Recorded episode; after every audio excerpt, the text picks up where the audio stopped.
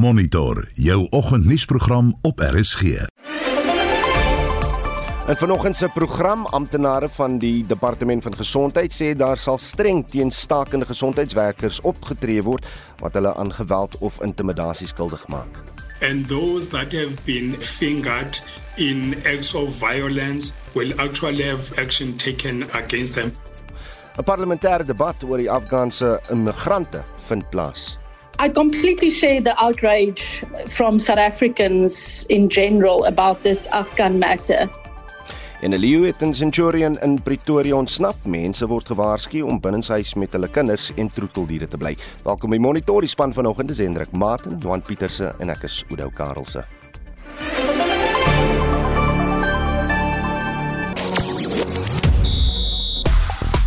Deja vu vir die Proteas op dag 1 van die tweede krieketoets teen die Windies. Die Protea kolwer Laura Wolfhard word die vyfde Suid-Afrikaner in die vroue IPL reeks en Bayern München en AC Milan deur na die Kampioenligga se kwartfinale. Ek is Shaun Schuster vir RSG Sport. Reg, kom ons praat bietjie saam. Nou die vakbond nou hou het hierdie week uh met hulle loonstaking voortgegaan. Uh, dis nou ten spyte van die feit dat 'n hofinterdik sê hulle mag nie.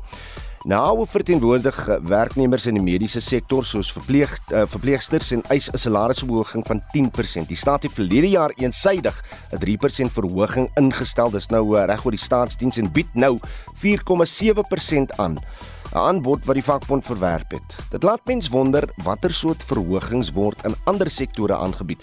Want ons weet in sommige gevalle is daar werknemers wat reeds 2 of 3 jaar sonder verhoging sit. Was daar in jou sektor 'n salarisverhoging? Wat is jou ervaring en wat dink jy? Stuur 'n SMS na 4588919 R50 per boodskap. Jy kan saampraat op die Monitor en Spectrum Facebookblad of uh, stuur vir ons 'n WhatsApp stemnota na die nommer 0765366961.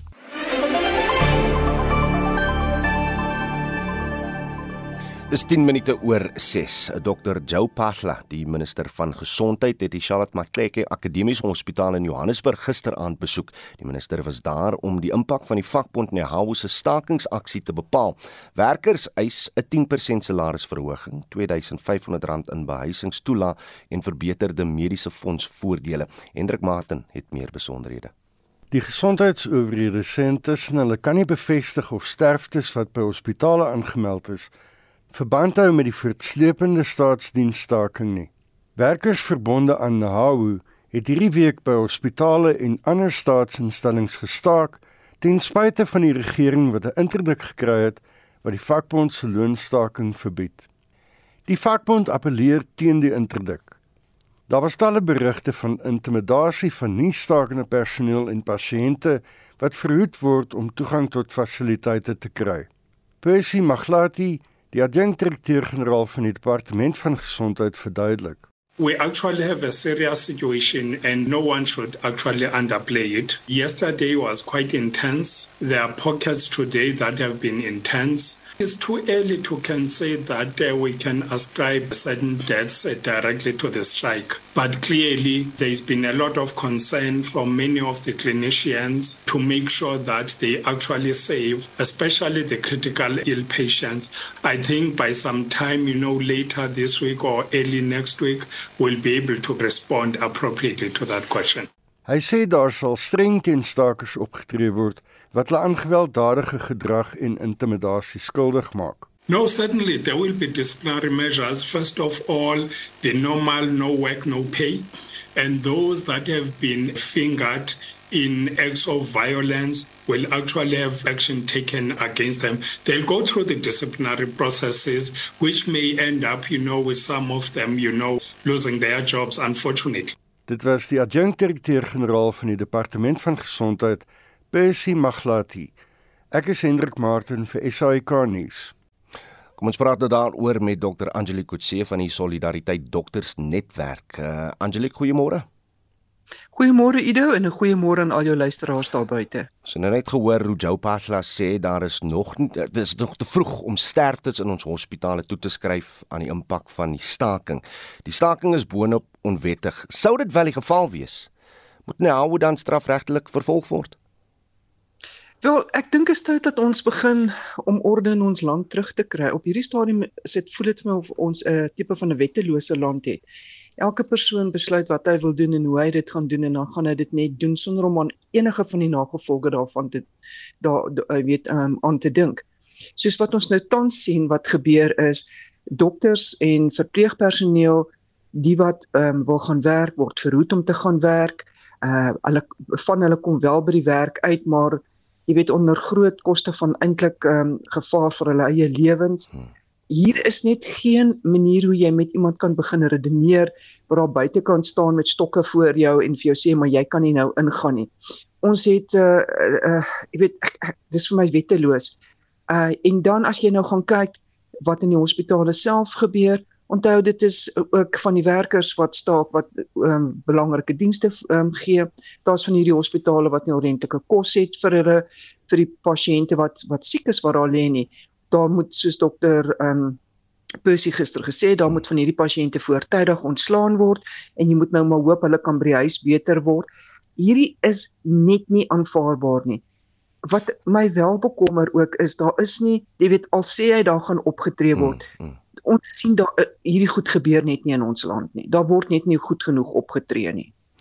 Nou hoe stop mense hierdie wetteloosheid? Want, die regering is is die entiteit wat wat, wat antwoord moet gee op op hierdie salarisverhoging wat wat wat die wat die werkers voorvra. Jy's 100% reg. So so hoe stop ons die wetteloosheid? Eerstens moet ons begin ehm um, dat die vakbonde ook realisties moet wees. Ons sit regtig in 'n groot ekonomiese gemors op hierdie stadium. Uh en dan die ouens dink ek wat die swaarste kry in hierdie ehm um, vakbonde wat wat aan hierdie vakbonde behoort is jou laer inkomste groepe, die ouens wat regtig min geld kry. Ek ek dink dit is dit dit is 'n groot probleem uh weer eens in hierdie huidige ekonomiese omstandighede. Maar kan ons land enigiets bekostig op hierdie stadium? Ehm um, ek ek weet nie en jy weet as jy, ek vir jou hoër loon wil gee wil ek produktiwiteit hê. Ek wil dan weet dat dat jy ehm um, ook hard gaan werk om daai gelde te kan verdien sodat ons almal saam vorentoe toe, vorentoe kan beweeg. Dan dink ek ons polisie is nie goed genoeg opgelei in skadebeheer en oproer nie. So miskien moet mense daar ook begin en ek kan nie verstaan hoekom dit nog nie gebeur het nie want ons sien stakings die laaste paar jaar redelik algemeen in ons land hmm. en ons kom nie die polisie kom net nie reg daarmee nie. Ehm um, so daar's 'n groot ehm um, opvoedingsstaak vir al wat daar moet gebeur. En dan moet die gewone persoon wat begin staak moet begin verantwoordelikheid vat, maar ook sy sy leierskap. Die leierskap is, moet verantwoordelik gehou word. Die leierskap kan nie sê as daar iemand doodgaan in die hospitaal, is dit nie ons skuld nie, dit is dan die regering se skuld. Jy as die leierskap het hierdie het hier begin om hierdie proses aan die gang te sit. So jy moet verantwoordbaar gehou word. Ek weet dit dit dit is moeilike tye vir almal, maar maar as as jy so kyk na na wat aan die optogte gebeur, beteken dit vir mense iets om om 'n noodsaaklike werker te wees, Angelique? Wel dit voel nie vir my so nie. As ek kyk wat gebeur, as ons kyk na jy weet die die die die die as ek gaan kyk daar as hulle vandag optog in 'n om op by 'n hospitaal gehou het, gaan kyk hoe hoe bemors is die area. Gaan kyk wat het hulle alles vernietig nie. Onthou al daai goed moet met geld opgebou word. Iemand moet weer dit gaan regmaak. So jy wil graag 'n hoër inkomste en 'n hoër salaris hê. Maar maar dan vergeet jy daai skade wat jy aangerig het omdat jy nie ordentlik mooi gaan sit en common sense gebruik en te sê luister, daar moet 'n ander manier wees om hierdie goed op te los nie. Het jy eintlik vir jouself groter drama veroorsaak en vir die mense om jou. Onthou jy as 'n pasiënt het 'n reg of of of of 'n die publiek om om 'n hospitaal te kan besoek. Jy het ook dit is ook jou reg om om gesondheidsdienste te kry. En um, net soveel soos wat dit hulle 'n reg het om 'n vreedsame optog te doen het jy ook 'n reg tot gesondheidstoegang. Dit was dokter Angelie Kutse. Ek sê vir jou baie dankie vir jou tyd hier op monitor. Sy is natuurlik van die Solidariteit Dokters Netwerk. Die minister van elektrisiteit, Dr. Gosienso Ramagopa, sê hy gaan met die banksektor vergader om die aankoop van sonkragpanele meer bekostigbaar vir Suid-Afrikaners te maak. Ramagopa het na die inhuldigingsseremonie van nuwe ministers en adjunkministers by Tuinhuis in Kaapstad met die media gepraat. Zelin Merrington berig. Die minister van elektrisiteit sê sy eerste fokus is om die opwekkingskapasiteit te verhoog. Ramakgopa sal vergader met die sake en banksektore om te bespreek watter bydraes hulle kan maak. En hy sê dis belangrik dat meer Suid-Afrikaners toegang het tot sonkragpanele. Of course what the minister is down on the one side is to introduce incentives but you still need to invest your own capital to have the solar. Before you get access to those incentives. Not everyone is sitting with unencumbered cash. Not everyone is uh, meet the risk profile that the banks are prepared to support individuals that meet that risk profile. So you still need to design some financing instrument so that you are able to address the the possibility of rooftop solar. Hy is in van komende winter. I think uh, at any given time, ESCOM can guarantee about 26,000 megawatts. Uh, and of that, about 6,000 uh, is uh, at a vulnerable state of unplanned maintenance or failure. And then when you reach winter, you, are, you need to service peak demand of about 32,000 megawatts. So you can see that the gap is significantly big. So we need to close that gap. Ramakgopa sê hy is van hoe moeilik sy is, maar hy is optimisties dat daar oor 18 maande 'n verskil in die kragsituasie sal wees. The president says uh, a few things. Is that re- reduce the intensity and frequency of load shedding. So, in that statement, there's an admission that perhaps it might not be possible in the next 18 months to resolve load shedding in its totality. But we must be able to illustrate that we are adding additional capacity to the grid and we are reducing the intensity and regularity of load shedding. Dit was José Encho Ramakgopa, die minister van elektrisiteit, Zelin Merrington, parlement. Kom ons praat dan verder hieroor met 'n onafhanklike energiekonsultant en navorsingsgenoot by die Universiteit van Kaapstad, Hilton Trollip. Hilton, goeiemôre. Goeiemôre Hendrik. Wel is Oudo hier, eh, Hilton. Kom ons kyk eh, eers na na José Encho Ramakgopa, die persoon is hy 'n geskikte kandidaat vir die pos? Ag, uh, kan ek uh, Engels praat? Hallo Hilton. Hendrik. Hallo, mag ek uh, Engels praat? Nee, jy gaan voort. Praat jy Engels, uh, ek sal maar Afrikaans vra. Okay, so um, from a point of view of academic qualifications, he's one of the, the more qualified uh, ministers that we have. Uh, he has got a civil engineering degree, which is a good thing. It's not an electrical engineering degree. Hmm. And I can tell you from my own experience, I'm an electrical engineer, that uh, the, the disciplines are substantially different. Uh, to understand big power systems, I think you need to be an electrical engineer. Okay. So it's good, at least, that he's scientifically literate. But um, I, I would question whether he can understand the, the details of, of power systems. And um, he's never worked in the power sector. Mm. So good that he's an engineer. And then also, he's got this uh, public administration affairs PhD. So he understands uh, the theory of, of public administration. Also, he's spent years inside ANC politics. You know, he was mayor of Chwani for four years or six years or something. So he certainly needs, he certainly knows his way around the inside of surviving as an ANC politician in a, a very, very uh, rough mm. and tumble environment. Um, but then there's this question mark over his one known procurement of electricity equipment, the smart meters in Pretoria. Mm which was a tender that turned out to uh, be uh, overturned by uh, the South African courts. So there's a question mark there. Mm. So, yeah, he, he knows the inside politics. He's got a bit of science knowledge. He's a survivor. He's young. Um, but he's untested. He doesn't have a track record in uh, dealing with uh, complex, big corporates such as Eskom. Hilton dan wil ek ook vra terwyl ons nou 'n uh, energieminister het en terwyl hy daar in hy amp en hy pos is, het Eskom dan 'n hoofuitvoerende beampte nodig om om by die ryter oor te neem.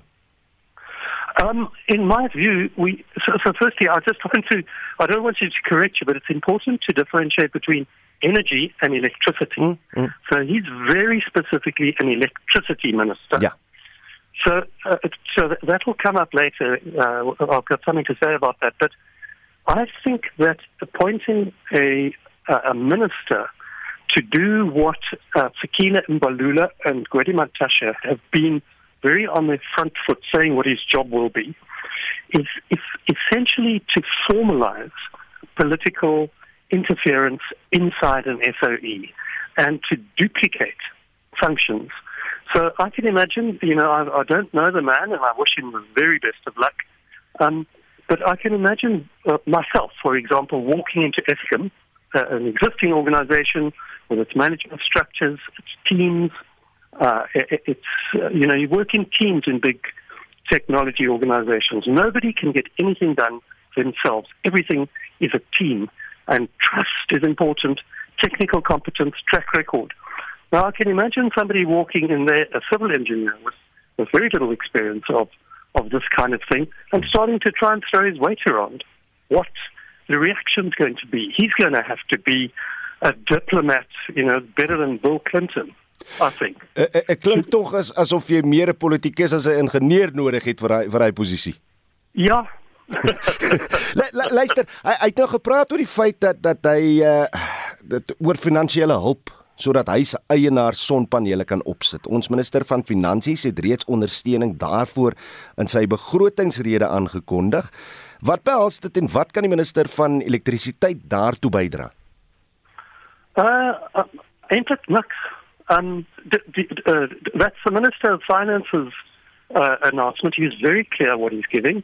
He's giving uh, 25% only on solar panels, mm. up to a maximum I think, of 15,000 rand to, to households. Um, I've got solar panels. I'm telling you now, it's, uh, it's, a, it's not enough to actually cause a buying decision for most people, households. For businesses, it's better. He's giving 125%, and you can claim it all, I think, in the first year or over three years. I think a lot of businesses uh, might be uh, persuaded to take advantage of that. Um, but remember, they were already getting 100%. If you use the, the solar system um, to uh, to run your business, then it's, it's a cost, and you can claim it already. So it's an extra 25. So it's a good idea. But I mean, other countries where uh, such incentives have been given, um, the incentives have been much larger to achieve an effect. Mm. So it's a good idea, but I don't think it's it's going to have that big an effect. En net laastens, het ons nou duidelikheid oor hoe Ramagopa gaan werk in verhouding met uh, ons energieminister en dan ook ons ons uh, minister van staatsinstellings uh, Pravin Gordhan. He, het ons nou duidelikheid oor hoe daai verhouding gaan werk? Pravin het tot nou niks gesê. Hmm. He just weighed in in a most unfortunate way, in my opinion, in the Derrida uh, TV um, incident. Um, uh, uh, uh Minister Mantashe at, at the, the energy indaba, he had quite a lot to say, and um, he, uh, I worry about how much he's got to say because he's very senior in the ANC, and uh, Ramakopa, Dr. Ramakopa, is junior. He's a young man. He doesn't really have the kind of standing of the chairperson of the, the, the ANC and uh, you know the, the power that uh, Mr. Mantashe has in terms of support, uh, political support for uh, uh, President Ramaphosa. So I, I see trouble there because either he is going to have to do what uh, Minister Mantashe says, mm-hmm. or he's going to have to not do what he says, but then he's going to run into political trouble inside the ANC. And uh, Mr. Mantashe at the Energy Indaba once again made the factually incorrect statement that he is not responsible for electricity. Mantashe. Mm, mm. But the Electricity Regulation Act states absolutely clearly that his ministry is the one responsible for getting new generation onto the grid. And in fact, his IPP office, it's called, Mr. Mantashe's IPP office, recently ran bid window number six. They invited 5,600 megawatts of power onto the grid. They received 55 or 56 bids they only awarded five, 10% of all of that. Mm. It was a failure. So he is still denying responsibility and uh, whilst telling this uh, electricity minister what to do. So I don't know. Let's see how they get on, but it doesn't bode well so far. Ja, ek dink die skoolhoof Cyril Ramaphosa moet die drie leerdlinge bymekaar bring en vir ons almal verduidelik hoe hulle saam gaan werk. Maar ons exactly. ons, ons los hom maar dit was die onafhanklike energiekonsultant en navorsingsgenoot by die Universiteit van Kaapstad, Hilton Trollip. Soos jy in die nuus gehoor het, is 'n loslopende leeu langs die R511 in Centurion suid van Pretoria opgemerk. Mense word gewaarsku om versigtig te wees en kinders en diere binne sy huis te hou. Ons praat nou met uh, Arthur Crew van die dierewelsynsorganisasie SRI. Arthur, goeiemôre. Morning, how are you? I, I'm very well. Waar, waar presies is die leeu gewaar? All right. So it is up on the well the last sighting was on the 511 uh, just before the Hartbeespoort side. um, closer to the Henops trails. So that was where the last sighting was uh, yesterday afternoon, let's say. Okay, so van waar het die leeu dan ontsnap? We have absolutely no idea. Um, the authorities have confirmed that on the northwest side, um, all the animals are accounted for. So I know they are busy with Gauteng and all the the facilities in that area uh, to make sure uh, and do an animal head count to see if they're missing any lions. So at this point, we have no idea where it's come from. It could have been somebody's pet. We have absolutely no idea. Uh, uh, Arthur, hold on. And, and I need to ask this in English for, of you. How is it possible that we don't know where a lion actually comes from, where it, it escaped from? So you know what? You have your law-abiding uh, facilities that, that look after the animals, sanctuaries, zoos, those those those kind of places. And you know, with being a law-abiding place, um, the authorities are always checking up on you, and there's rules for guys like that. But unfortunately, there is still places that believe they can keep tigers, lions, those kind of animals without permits and they keep it from people. So the only way we're going to know this is that once we have safely recovered this animal, um, the legal places have to be microchipped. So the animal should have a microchip, and one will be able to check and say, okay, well, this belongs to this facility. Mm. Um, but if it does not have a microchip, one will never know where this animal has come from. Dit is interessant. Okay, hoeveel mense is nou deel van die soektog en wat sê vir die mense wat in Centurion Pretoria bly? Ons verwag natuurlik nie dat almal nou net binne huis moet bly die hele dag nie of hoe. No, no, no. You know, the animal where it was last seen is a very good environment for the animal to stay. Um, you know, remember, lions are not into attacking humans and, and things like that, uh, besides even what a lot of people think. Um, they are most likely to go for an animal. Um, it is going to go into shelter now, obviously, for the day, uh, looking for watering holes. So it is not going to go anywhere near where there's a lot of people and, and things like that. So um, all I can say to the guys, if there is any sighting, you are driving, stay in your vehicle, give us the location, send a pin drop to somebody. Uh, let's try and get to that that animal. But it's not anywhere near the city or anything like that. Like I said, it is mm. more on the border of uh, northwest Hartbeespoort.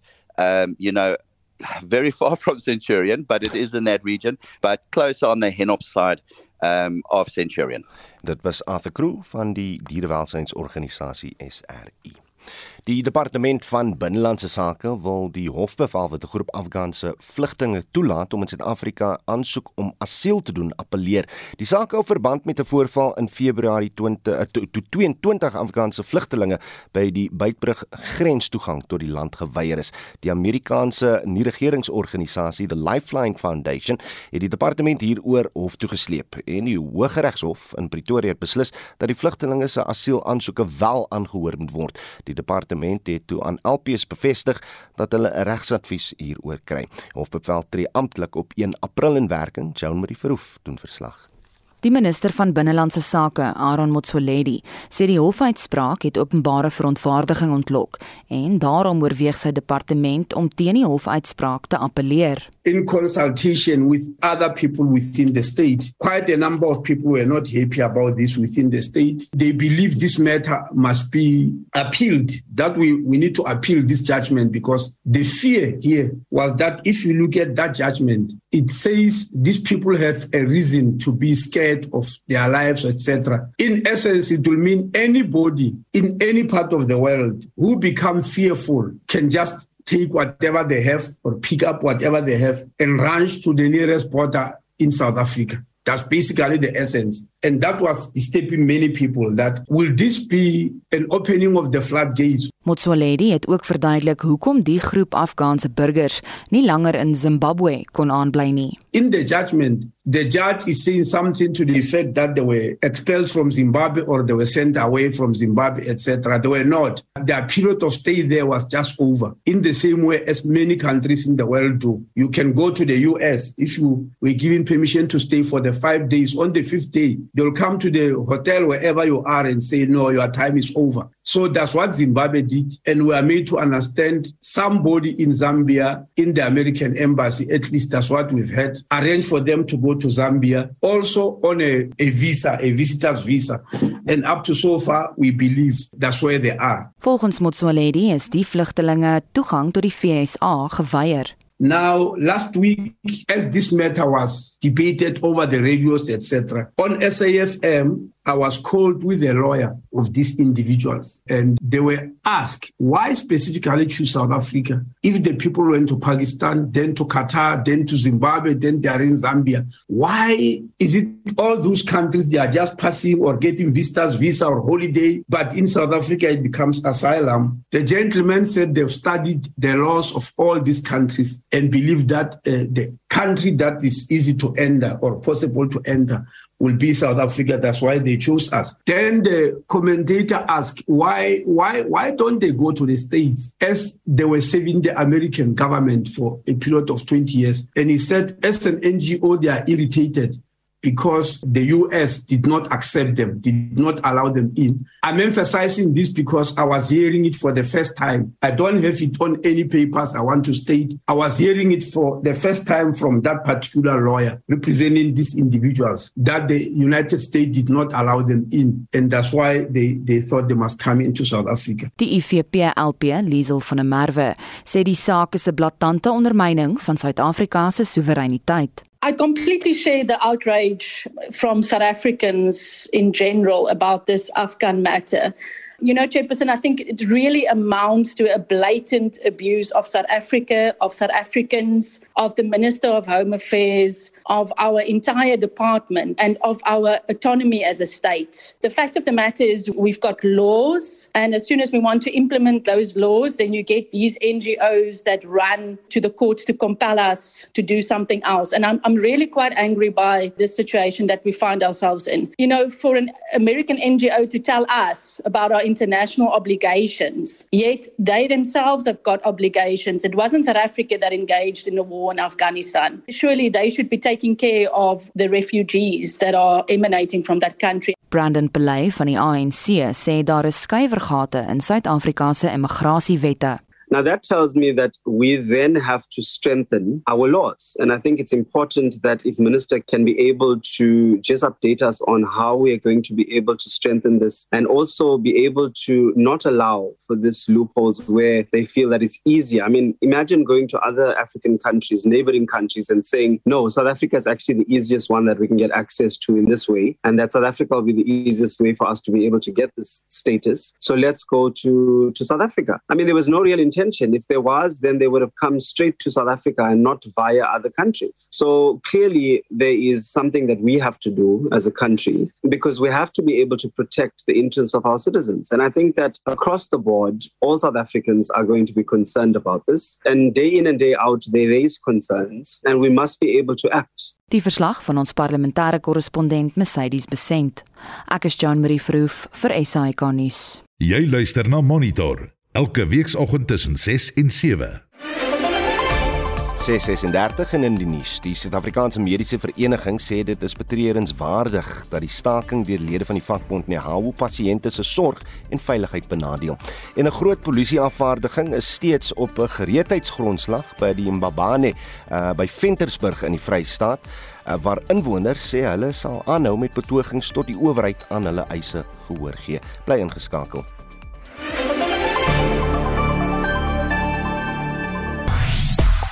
Miskien is dit 'n roomhuis waar. Kan dit 'n voertuig wees? Uh die vakbond nou het hierdie week in uh, stryd met 'n hofinterdik met hulle loonstaking voortgegaan. Die hou verteenwoordig werknemers in die mediese sektor soos verpleegsters en uh, eis 'n salarisverhoging van 10%. Die staat het verlede jaar eensydige 3% verhoging gestel en bied nou 4,7% aan. Na aanbod wat die vakbond heeltemal verwerp. Dit laat mens wonder watter soort verhogings word in ander sektore aangebied, uh, want ons weet in sommige gevalle is daar werknemers wat vir die afgelope 2-3 jaar sonder verhoging sit. Wat is jou ervaring? Het jy oor die afgelope paar jaar wel 'n salarisverhoging gekry en wat was die persentasie van daai verhoging? Laat weet. Susara Botma sê dis belaglik. Uh, hulle verdien om beter vergoed te word. Hulle verrig wonderlike eerbare noodsaaklike dienste. Dis nou die mense binne die gesondheidsdiens. Estal Rigter sê ja, hierdie vakbond sal aanhou. Hy kry sy betaling, maar daai arme stakers kry niks. Môre kan hulle nie kos koop nie, maar wat gee die vakbond om? Uh, Nico en Ronald Dippenaar sê ook op Facebook uh, stakings is sleg en ontwrig die hele lewe, maar 2 weke terug het die staat 'n 9,6% verhoging op minimumloon eenvoudig afgekondig en ons moet dit almal betaal. Nou hoe kan hulle nie vir hul eie werke mense verhoging gee nie? Is dit dan net een rigting? Wonder net hoe dit werk.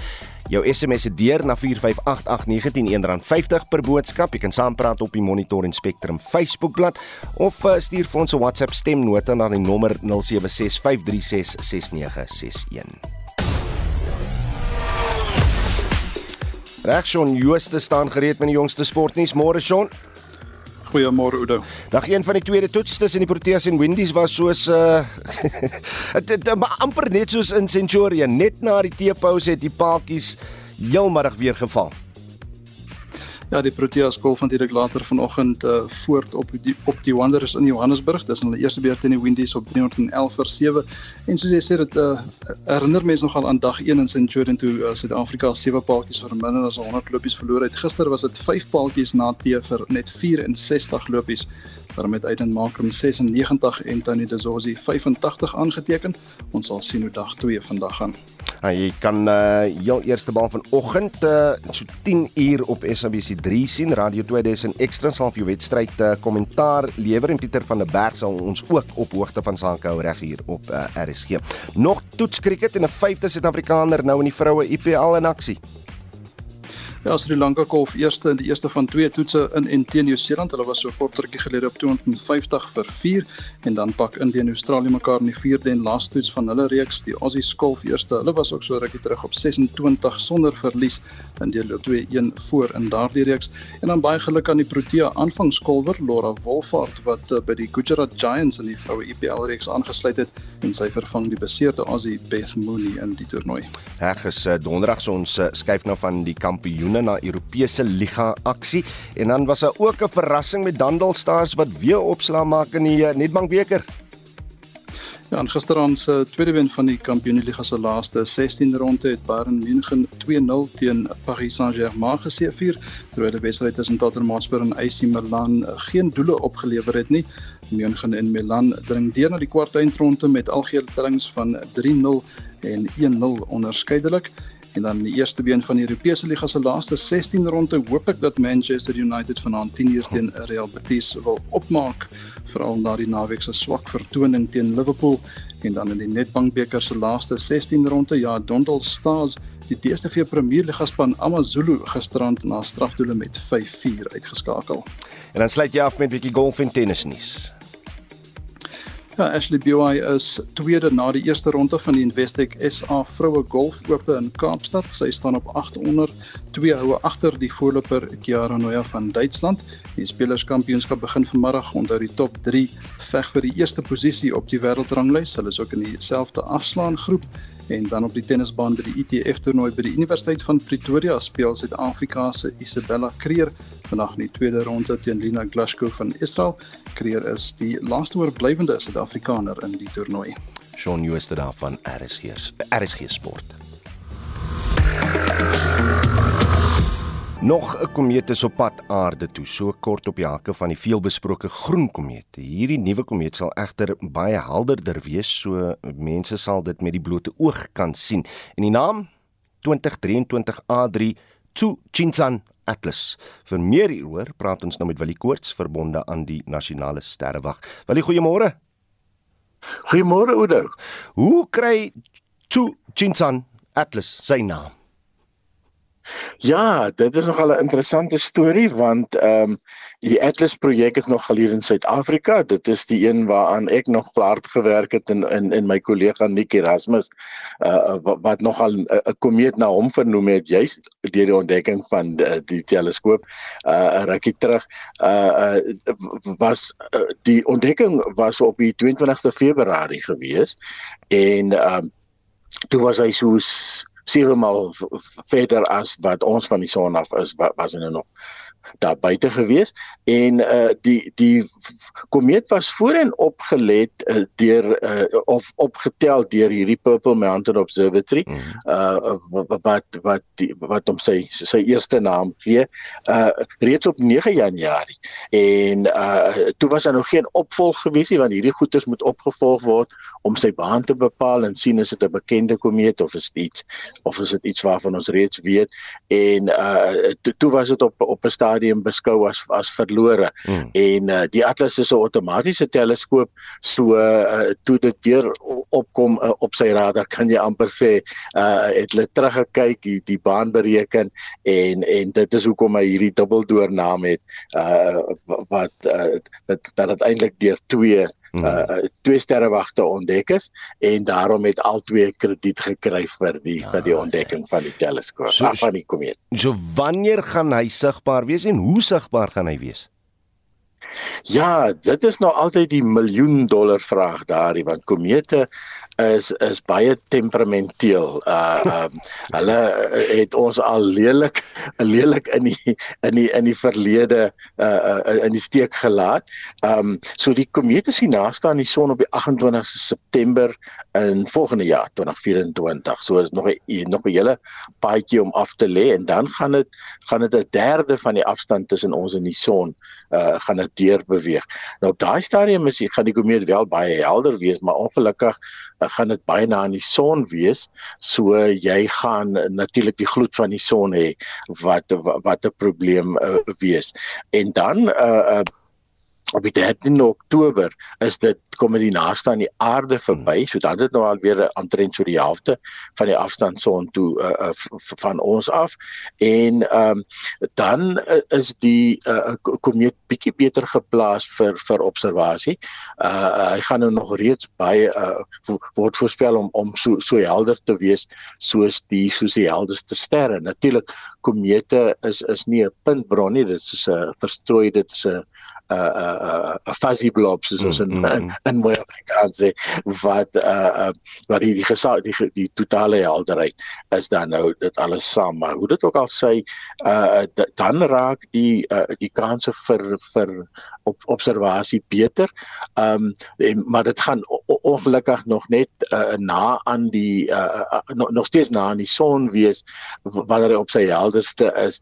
Nou uh twee goed kan dan gebeur of die komeet het het heeltemal opgebreek soos wat in die verlede al gebeur het hmm. met komete en en heeltemal verdwyn of gaan 'n lekker lekker uitbarsting gee en en en dan vir ons 'n 'n lekker 'n lekker vertoning gee. So ons hoop natuurlik vir die vir die tweede en dan is daar ook 'n 'n kans wat in in die die fancy woord is voor uh, voorwaartse verstrooiing. Dit is maar net die manier hoe die yskristalletjies hmm. die uh, die lig verstrooi amper soos die katoogies op die pad. Uh dieselfde effek amper en en wat die komeet nog helderder gaan maak. So so as al daai goeders nou saamspeel, dan hoop ons het ons nou so by Oktober, November uh volgende jaar 'n lekker vertoning of of dit gaan heeltemal uitvissel daar niks gebeur nie. dit is ongelukkig soos wat dit werk in hierdie game. Vir die koorts baie dankie weet hy hier op monitor, hy is verbonde aan die nasionale sterre wag. Kom ons kry 'n blik oor uh, internasionale nuusgebeure wyd verspreide Justin Kennerly Russiese aanvalle het stede in Oekraïne getref. Ja, en Oekraïense amptenare sê die missielaanval het residensiële geboue en infrastruktuur in Kharkiv en Odessa getref. Die aanval het kragonderbrekings in verskeie gebiede veroorsaak. Gouverneur Maxim Marchenko sê 'n kragstasie in die hawe stad Odessa is vernietig. Nou woongebiede is ook getref soos ek genoem het, maar geen sterftes is aangemeld nie, het hy bygevoeg. En nog aanvalle is aangemeld in die Oos-Oekraïense stad Dnipro en ander streke reg oor die land. Amerikaanse Kongrespaneel het uh, wat beweerde leierskaps uh, mislukkings tydens die Amerikaanse Amerikaanse onttrekking aan Afghanistan ondersoek het sy eerste getuienis aangehoor. Ja, in hierdie reeks verhore onder leiding van Republikeine ondersoek die Biden administrasie se hantering van die onttrekking. Natalia Vargas Andrews, 'n voormalige Amerikaanse soldaat wat erg beseer is in Afghanistan, het die onttrekking in 2021 as 'n katastrofe beskryf in sy getuienis vir die Kongres. Hy het 'n tydperk van chaos en onvoorbereidheid uiteengesit in die dae nadat die Taliban Kabul oorgeneem het, berig die BBC se Pieter Bells. Vargas Andrews broke down several times as he described the suicide bombing that killed 13 US service members along with scores of Afghan civilians. He said his body was overwhelmed from the trauma of the blast. He said he'd seen the bomber only hours before the attack. The suspect matched a description given to troops by US intelligence, but he said soldiers were denied permission to shoot. So, het Vargas Andrews die gebeure beskryf. I requested for the battalion commander, Lieutenant Colonel Brad Whited, to come to the tower to see what we did. While we waited for him, psychological operations individuals came to our tower immediately and confirmed the suspect met the suicide bomber description. He eventually arrived and we showed him our evidence, the photos we had of the two men. We reassured him of the ease of fire on the suicide bomber. Pointedly, we asked him for engagement authority and permission. We asked him if we could shoot. Our battalion commander said, and I quote, I don't know. Eventually, the individual disappeared. To this day, we believe he was a suicide bomber. We made everyone on the ground aware. Plain and simple, we were ignored. Our expertise was disregarded. No one was held accountable for our safety. En ons kyk ons aan en ek sien wetenskaplikes toets 'n nuwe manier om koolstofdioksied uit die lug te haal met die hulp van koper. Ja, Brian Calvary van Ineos Energy sê dat hierdie nuwe benadering tot 3 keer meer koolstofdioksied uit die atmosfeer opvang as huidige metodes. Die gas kan in koeksore omskep word en veilig en goedkoop in seewater gestoor word. It will be injected 6000 feet below the ocean. It will go into a reservoir which has stored and held fossil fuels under pressure for a very long period of time over millions of years that were then liberated in the 60s and 70s and 80s as the oil and gas industry built up in the North Sea. And we're now re injecting that CO2 back into those same reservoirs. Nou die nuwe metode kan die gebruik van koolstofverwyderingtegnologie bespoedig, sê kenners. Justin Kennerly daar met ons wêreldnuus vir vanoggend. Nou damvlak in die Wes-Kaap staan op sowat 55%. Dis 'n reuse afname in vergelyking met dieselfde tyd verlede jaar toe damvlakke op 'n algehele 78% gestaan het. Die provinsiale owerheid sê hoewel daar in hierdie stadium nie rede tot kommer is nie, is dit noodsaaklik om voorkomend op te tree. Ons praat nou met die provinsiale minister van plaaslike regering, uh, omgewingsake en ontwikkelingsbeplanning Anton Breda. Anton, goeiemôre. Goeiemôre, goeiemôre aan die luisteraars. So, hoe moet julle nou voorkomend optree? Ja, die eerste is om 'n fyn oog te hou oor oor waterverbruik. Ehm um, ons ons dankbaar vir vir die radio's wat help om die boodskap uit te dra. Ehm um, ons lesse wat ons geleer het in die vorige droogte, is praat met die mense en hulle sal help bespaar en ons mense ehm um, was nog altyd genoeg om om tafel te kom so op hierdie stadium ons kyk na die olifantsdroë ehm um, rivier en um, deur 'n rivier dit is op 28% daardie opvangsgebied wat wat komrekend is so ons hou van oor daaroor en dan ook die brede rivier wat 46 die opvangsgebied is 46%. Ehm um, algemeen staan ons op 48% wat wat so 14-15% minder as 'n jaar gelede. Ons het gister ons waterdroogte sekuriteitsplan um, en strategie vir die kabinet voorgelê en dis 'n indrukwekkende plan wat elke munisipaliteit se bron ontleed het en dan ook vir die munisipaliteit in staat sal stel om te kyk na sy bron, kyk waar in hy moet belê sodat ons langtermyn water en dan nie die hoeveelheid water maar ook die kwaliteit van water sal verbeter. Maar op hierdie stadium is daar nie sprake van verdere waterbeperkings nie. Ons praat met ons munisipaliteite in sekere opvangsgebiede, binne die munisipaliteite van Machikama, Cederberg en die Karoo en dan Swartland en Saldanha. Dit begin met waterbeperkings, slak een waterbeperkings waar ons nou tuinslange wil begin weer verbied ensovoorts en ons verwag baie goeie samewerking. Ons kommunikeer ook met 'n kommunikasiestrategie wat spaat al die gastehuise ensovoorts in in daardie areas um, om mense bewus te maak dat dat ehm um, hulle handel met die met die bron wat in die druk is. Nasionale Watermaand het ook gister begin. Wat is van die inisiatiewe of waterprojekte waarmee julle in die Weskaap besig is? Ons het 22 en 23 Maart in uh in uh twee dae water raad aangekondig waar ook ons water 15 jaar waterplan gaan voordra aan industrie en aan die publiek vir vir kommentaar en ook kyk om 'n samewerking te kry. Ehm um, dis regtig 'n indrukwekkende plan wat wat sal verseker as ek net 'n voorbeeld kan noem ons ons bevolking groei vir hierdie jaar was 125 000 mense wat sit ons het in water benodig ons 25 miljoen liter water per dag ekstra. En hoe gaan ons bevolkingsgroei, ekonomiese groei intrek in 'n 15 jaar plan sodat ons kan verseker dat die bron volhoubaar is. En dit is alles vervat in hierdie 15 jaar plan. Anton Berdal, baie dankie vir jou tyd hier op Monitor. Hy is die Wes-Kaapse minister van plaaslike regering, omgewingsake en ontwikkelingsbeplanning. Studentebetogings by die Universiteit van die Witwatersrand duur voort. Die studenteraad en die universiteit kon nog nie 'n ooreenkoms bereik nie. Die betogers eis onder meer dat Wits alle studente wat 150 000 rand of minder skuld toelaat om te registreer. Hulle vra ook dat uh, eh, NSFAS sê se 45 000 rand se verblyftoelaag geskraap moet word. Die studenteraad se adjunkpresident, Kamagelo Mabe, sê hulle is bereid met betogings vir 'n dag te staak indien die universiteit gehoor gee aan 'n nuwe stel eise.